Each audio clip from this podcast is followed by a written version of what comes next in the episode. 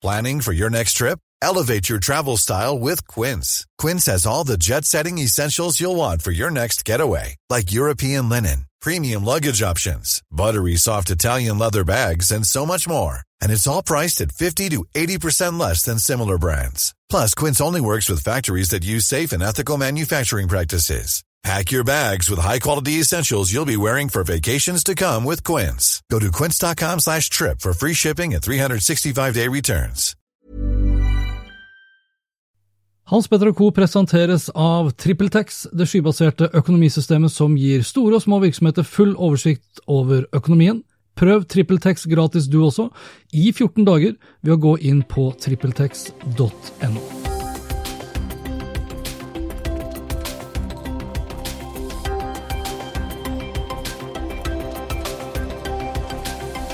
I denne episoden her så får du annet høre mer om disse sakene. Google har nå klart å utvikle verdens første kvantedatamaskin. Get skulle bli best på markedsføring og PR, men ble dårligst istedenfor på kundetilfredshet. Og nå har det gått 50 år siden internett så dagens lys. Velkommen til Hans Petter og co. Jeg heter Hans Petter, og denne episoden ble spilt inn onsdag 30. oktober. Lenker til alt jeg snakket om og øvrige innslag finner du selvsagt på hanspetter.info. I dag og til dagens episode så kunne jeg holdt på en evighet, føles det ut som. For det er veldig mye jeg kunne ha snakket om. Den opprinnelige planen i dag var å snakke om Google og deres ambient computing-strategi, og planene deres om å kjøpe opp Fitbit, men det får la vente på seg til neste episode. For hovedsaken må nesten handle om at dagens internett nettopp har fylt 50 år, iallfall hvis vi regner da med forgjengeren ARPANET, og det kommer jeg tilbake til. Jeg kunne også snakket uh, om de nye AirPodsene til Apple som ble sluppet her om dagen, som heter AirPods Pro, og som allerede er tilgjengelig. Eller jeg kunne snakket om DJI, som akkurat har lansert en ny drone, DJI Mavic Mini, men det sparer jeg til neste episode av Oppgradert sammen med Eirik Nordmann Hansen. Jeg kunne snakket mye om Facebook også, om alt fra Facebook News til Facebook uh, holdning til fake news, og hvordan det gikk for seg da Mark Zuckerberg ble grillet i Kongressen, eller en ny dom i kjølvannet av Cambridge Analytica-skandalen. Men det tar jeg heller ikke for meg i denne episoden. her. Og jeg kunne f.eks. også snakket om at Telenor har registrert en ny SMS-rekord, nærmere bestemt sist lørdag, og da under Stjernekamp-finalen. Og til alle som tenker at SMS er passé, så tar dere helt feil. Altså 17 millioner SMS-er går gjennom Telenor sitt nettverk hvert døgn. Og flere skal det bli. Tenk bare på hvor mye mer vi bestiller på nett i dag, og hvor mye vi setter pris på å bli oppdatert på SMS når varene er på vei, og når vi kan forvente å få den levert. Her er det veldig mange som kan bli fryktelig mye bedre, og derav det økte volumet i tråd og takt med stadig økt volum av varer som blir kjøpt på nett. Men det skal vi ikke snakke om. Første post på programmet skal derimot handle om kundetilfredshet, PR, kommunikasjon og markedsføring, og hva som er viktig å bli best på. Og da starter vi med å gå litt tilbake i tid. For i 2018, i begynnelsen av 2018, så skrev kampanje om at Get skulle bygge landets beste markeds- og PR-avdeling.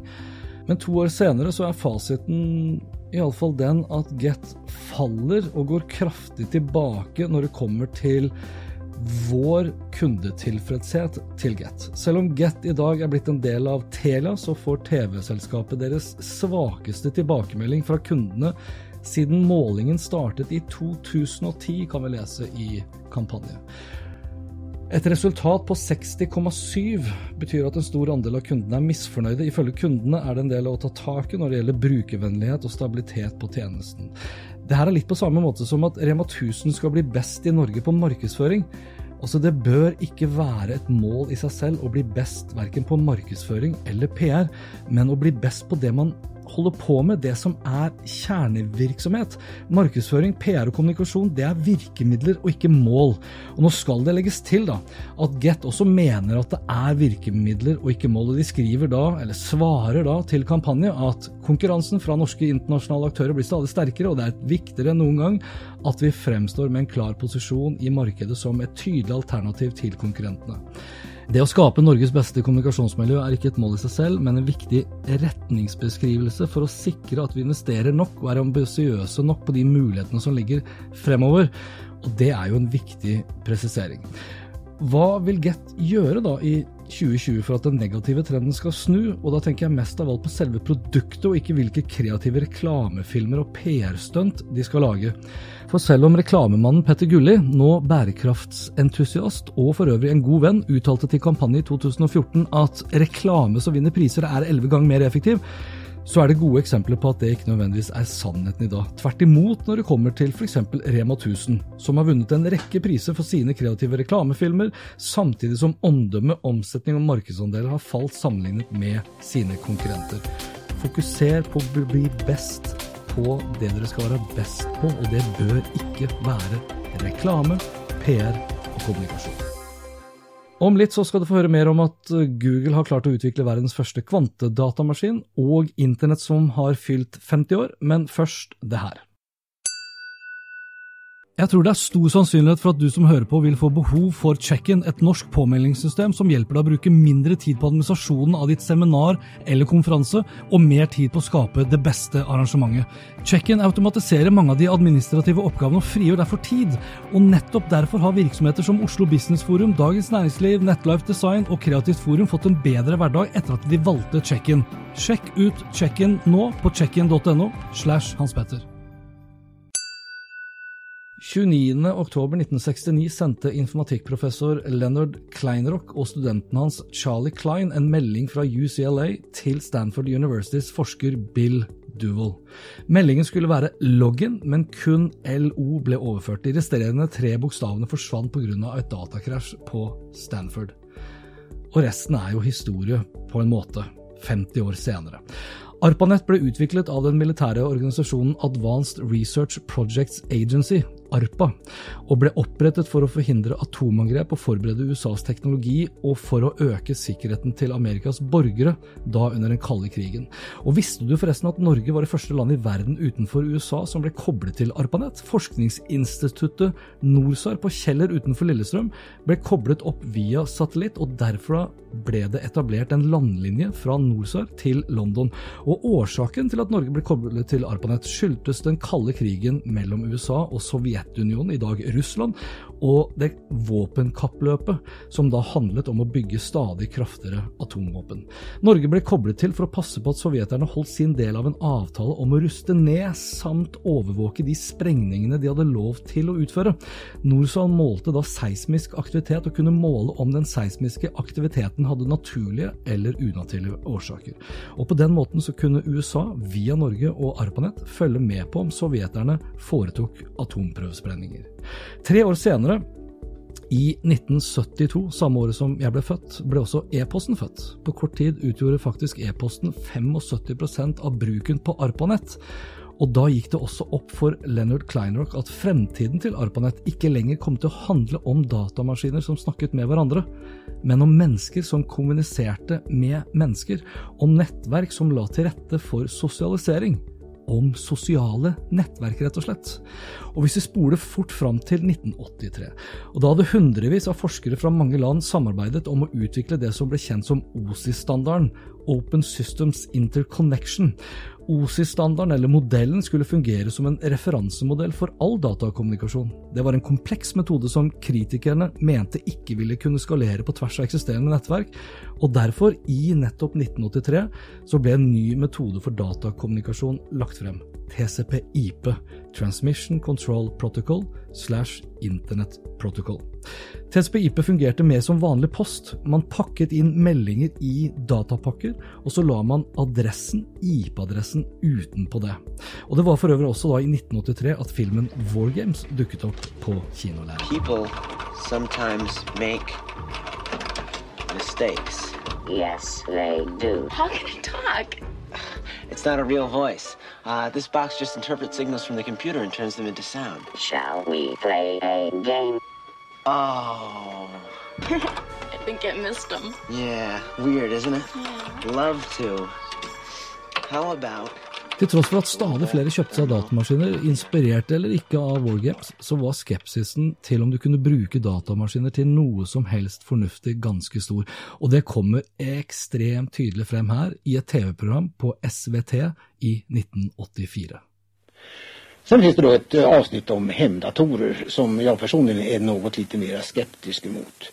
Eh, det talas i programmet om att vi allihopa kommer att sitta hemma då och beställa biobiljetter och sådana saker. Jag tvivlar på det. Eh, själv har jag haft dator hemma i snart fyra år och jag hittar ingen som helst privat användning av den. Det är faktiskt så att telefonnummer hittar man enklast i telefonkataloger. Kakrecept hittar man enklast i bakböcker och matrecept lämpligen i kokböcker. Boken er et selvsynt bra sett. Bare fem år senere, 12. mars 1989, var dagen da sir Tim Berners-Lee lanserte World Wide Web. Og fire år etter det, i 1993, ble verdens første grafiske nettleser, eller webbrowser, Mosaic, lansert. Og to år senere, 1995, så dukket Netscape opp. Og med det så var internett for alvor i ferd med å bli et folkemedium. Eller var det egentlig det? For i 1999, for bare 20 år siden, så skrev Leif Osvold den berømte kommentaren i Dagens Næringsliv 'Internett er en flopp'. Og Leif ga seg ikke med kun én kritisk internettartikkel. Tre artikler skulle det bli. Papir er best fra 1998.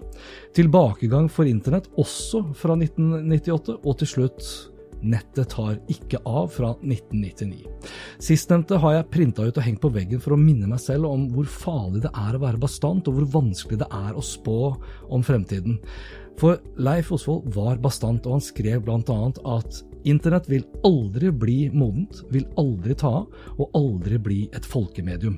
Prognosemakere glemmer at bruken av internett er forskjellig fra bruk av andre massemedier, både praktisk, sosialt og psykologisk. Et gjennombrudd vil aldri komme. I 1999 så hadde 250 millioner mennesker kobla seg til internett. Steve Jobs hadde returnert til Apple, iPoden var fortsatt to år unna å bli lansert, og hele verden nærmest forberedte seg på hva som ville skje med alt av datamaskiner i det øyeblikket vi gikk fra 1999 til 2000. I det øyeblikket vi gikk fra 99 til 00 på verdens datamaskiner. Men verden raste ikke sammen. Tvert imot. Og selv om dotcom-boblen sprakk et par år senere, så sluttet ikke internett å vokse. Nettet tok bokstavelig talt av. For 50 år siden så var vi kun 3,6 milliarder mennesker på jorda. 50 år senere er det 4,4 milliarder mennesker som bruker internett, og 3,4 milliarder mennesker som er aktive brukere av sosiale medier. Facebook alene har snart 2,5 milliarder aktive brukere, og jordas befolkning har på de siste 50 årene vokst til 7,7 milliarder mennesker. Det er ingen tvil om at internett har endret måten vi lever, leker, lærer og jobber på, og spørsmålet er om internett har gjort verden til et bedre og tryggere sted. Leonard Kleinok, som vi husker, som var med på å sende den første meldingen over ARPANET for 50 år siden, sier i dag til The Telegraph at han frykter at internett har ført til at vi har begynt å miste evnen til å tenke for oss selv. Og det sier han altså før kunstig intelligens for alvor har begynt å ta de fleste av våre avgjørelser for oss. Så hvilke historier vil vi lese om hvordan internett har endret måten vi lever, leker, lærer og jobber på om 50 år? Hvor mye vil vårt eget tankegods ha blitt overført til kunstig intelligens? Hvor stor innflytelse, påvirkning og makt vil f.eks. Kina ha globalt? Og hvordan vil grensesnittet mot internett se ut i 2069? Det som er ganske sikkert, er at de siste 50 årene har vært preget av fryktelig mange feilaktige spådommer om hva datamaskiner, internett og alt internett har ført med seg, ville ha å si for hvordan samfunnet fungerer. Endringer tar gjerne lengre tid enn det vi tror. Samtidig så er det vanskelig å se fra dag til dag hvor store endringene har vært, før man ser seg tilbake. 50 år senere er det mange, meg inkludert, som tror at her vi er nå, 50 år etter at den første meldingen ble sendt over det vi i dag omtaler som internett, at dette kun er slutten på starten. De virkelig store endringene ligger fortsatt foran oss, anført av bl.a. 5G, Internet of Things, kunstig intelligens og kvantedatamaskiner som vil endre den verden vi kjenner i en eksponentiell endringshastighet. Så det er nok bare å spenne seg fast og håpe på det beste, men samtidig også forberede seg på det verste. I'm Sandra, and I'm just the professional your small business was looking for. But you didn't hire me because you didn't use LinkedIn jobs. LinkedIn has professionals you can't find anywhere else, including those who aren't actively looking for a new job but might be open to the perfect role, like me. In a given month, over 70% of LinkedIn users don't visit other leading job sites. So if you're not looking on LinkedIn, you'll miss out on great candidates like Sandra. Start hiring professionals like a professional. Post your free job on linkedin.com/achieve slash achieve today. My business used to be weighed down by the complexities of in person payments. Then, Tap to Pay on iPhone and Stripe came along and changed everything. With Tap to Pay on iPhone and Stripe, I streamlined my payment process effortlessly. Now I can accept in person, contactless payments right from my iPhone. No extra hardware required. What's truly remarkable is how I can cater to all of my customers' payment preferences.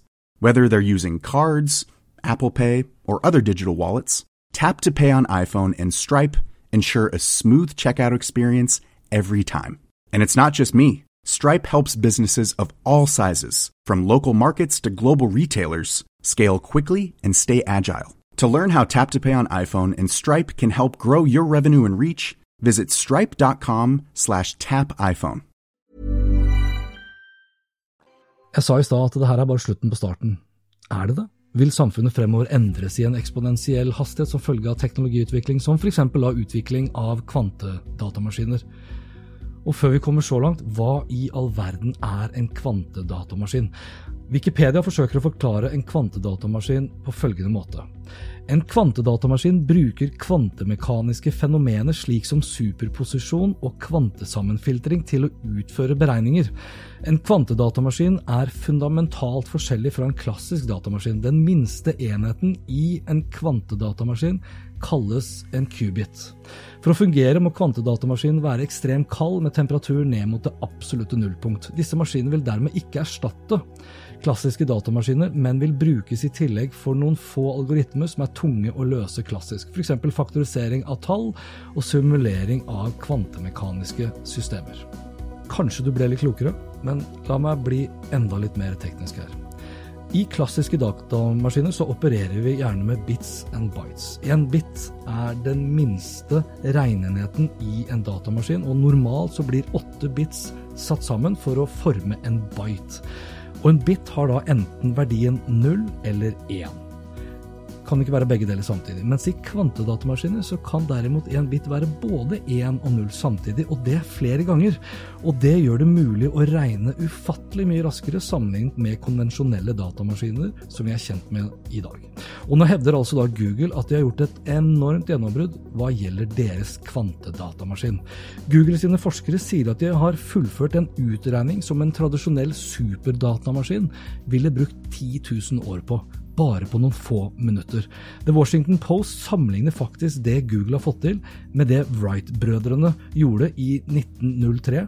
En flytur som da varte i tolv sekunder. Den første flyturen for mennesker. Det blir kanskje litt enklere å forholde seg til hva det her betyr, hvis vi ser på hva en supercomputer kan få til i dag. Og Sist jeg sjekket, så kom da verdens raskeste supercomputer fra USA og heter Summit.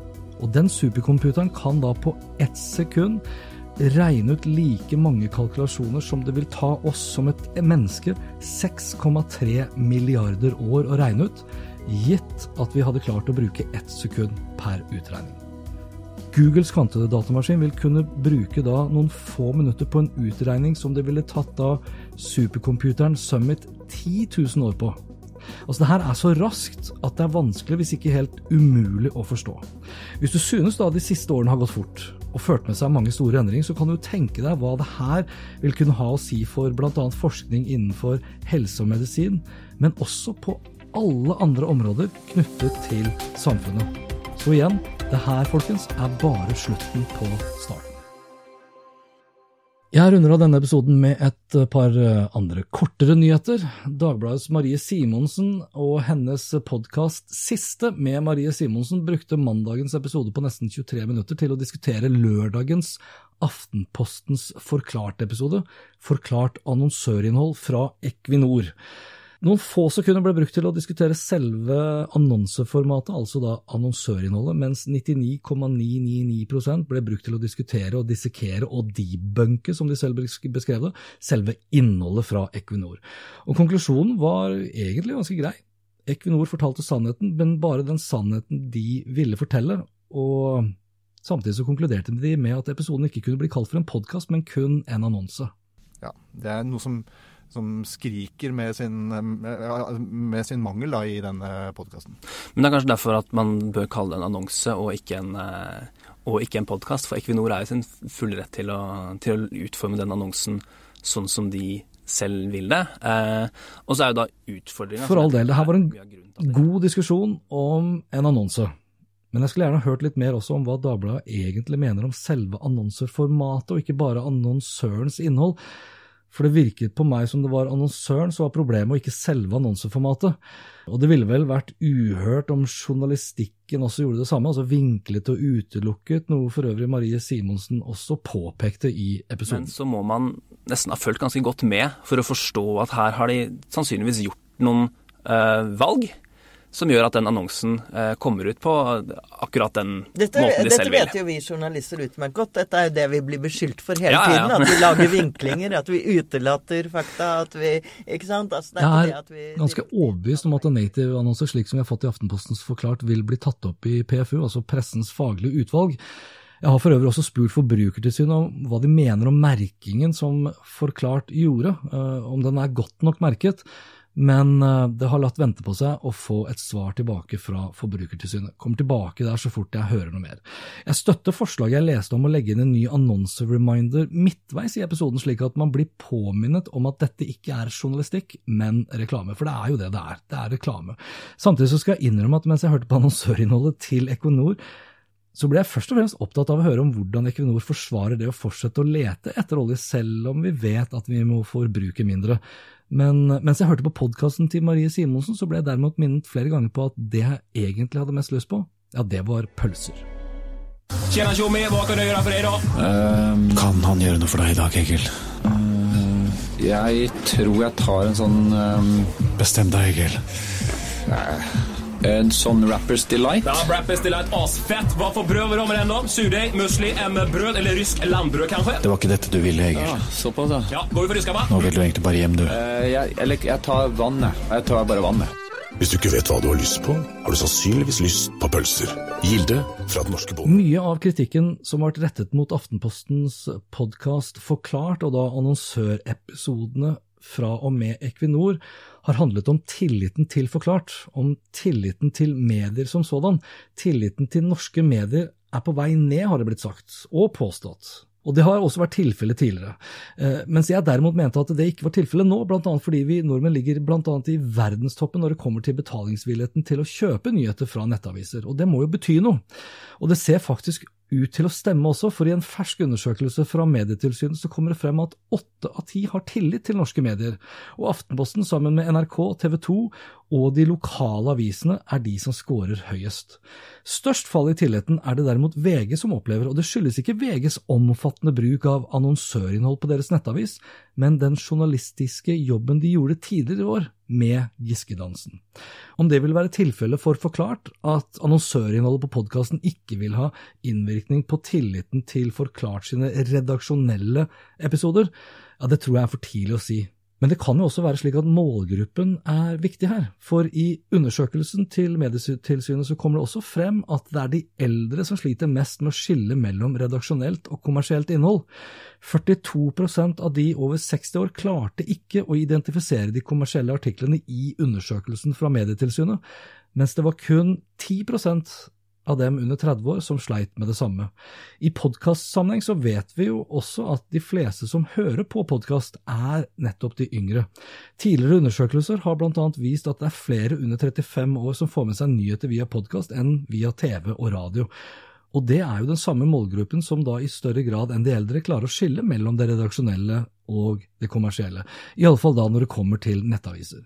Kanskje de klarer det også når det kommer til podkaster. I undersøkelsen til Medietilsynet så kom det også frem at over halvparten i aldersgruppen over 60 år aldri har hørt engang om begrepet innholdsmarkedsføring, mens det kun var to av ti under 45 år som ikke kjente til begrepet. Så det lover godt, ikke bare for innholdsmarkedsføring, men ikke minst innholdsmarkedsføring og native advertising på podkast fremover. Er skjermtid skadelig? Blir barna dine hjerneskada og sitter med iPaden på fanget eller iPhonen i handa? Er det en tilfeldighet at Steve Jobs ikke lot sine barn bruke sin egen teknologi da han kom tilbake igjen til Apple? Forskning på skjermtid peker i begge retninger, men nå viser da en ny forskningsrapport fra Oxford Internet Institute at skjermtid faktisk er bra for barna. Rapporten mener at dagens anbefalinger om skjermtid fra helsemyndighetene er grunnløse, og basert på data for 35 000 personer sier forskerne at barn som bruker skjerm opp mot to timer om dagen, har bedre sosiale og emosjonelle ferdigheter enn barn med mindre skjermtid. Effekten blir først negativ når skjermbruk overstiger fem timer per dag. På den andre siden så viser en rapport fra San Diego University at én time skjermtid gir ungdom mindre nysgjerrighet, selvkontroll og emosjonell stabilitet. Forskning fra Luciana State University lenker f.eks. TV-titting og moderat depresjon sammen. Og forskning fra Cambridge University sier at internett og dataspill påvirker karakterene, og da ikke i positiv forstand. I et nyhetsbrev jeg fikk fra Digital Norway om samme sak, så kom de inn på Bjørn Jeffrey en svenske født i London som bor i San Francisco. Han holdt et foredrag om nettopp dette temaet på kort tid under Tech Festival 2019 i København, og kom inn på en professor ved Stanford som het Margaret Cohen, som blant annet beskrev ungdommer som å være i fare for å ikke kunne skille mellom fiksjon og virkelighet. Og for de som ikke kjenner til Margaret Cohen, så var hun professor ved Stanford, men da på slutten av 1800-tallet og hun viste da til hvor farlig det kunne være for unge kvinner å lese bøker. Og vi som har levd en stund, husker vel hva som ville skje hvis vi så for mye på TV. That day must never come. We must not consign our fate to algorithms. I look forward to productive talks with our partners across the globe about how to safely harness AI. Technology is not the enemy unless we allow it to substitute its judgment for our own. Jeg valgte å runde av denne episoden her med et lite klipp fra en av mine favorittserier, Madam Secretary, eller Madam President, som serien heter nå i sin sjette sesong. Og det du nettopp hørte, det var fra episode tre, Killer Robot, som handler om hvordan vi som mennesker må forsikre oss om at ikke vi overlater alt av avgjørelser til algoritmer og AI, kunstig intelligens, som til syvende og sist kan ende opp med å ta livet av oss mennesker. Så amen to that. Og dette var det for denne gang.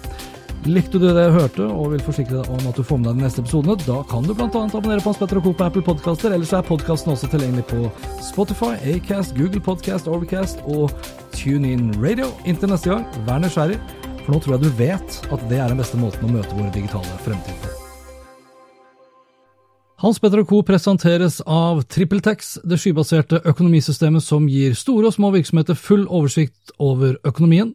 Prøv TrippelTex gratis du også, i 14 dager, ved å gå inn på trippeltex.no. Planning for your next trip? Elevate your travel style with Quince. Quince has all the jet-setting essentials you'll want for your next getaway, like European linen, premium luggage options, buttery soft Italian leather bags, and so much more. And it's all priced at 50 to 80% less than similar brands. Plus, Quince only works with factories that use safe and ethical manufacturing practices. Pack your bags with high-quality essentials you'll be wearing for vacations to come with Quince. Go to quince.com slash trip for free shipping and 365-day returns. My business used to be weighed down by the complexities of in-person payments. Then, Tap to Pay on iPhone and Stripe came along and changed everything. With Tap to Pay on iPhone and Stripe, I streamlined my payment process effortlessly. Now I can accept in person, contactless payments right from my iPhone. No extra hardware required. What's truly remarkable is how I can cater to all of my customers' payment preferences. Whether they're using cards, Apple Pay, or other digital wallets, Tap to Pay on iPhone and Stripe ensure a smooth checkout experience every time.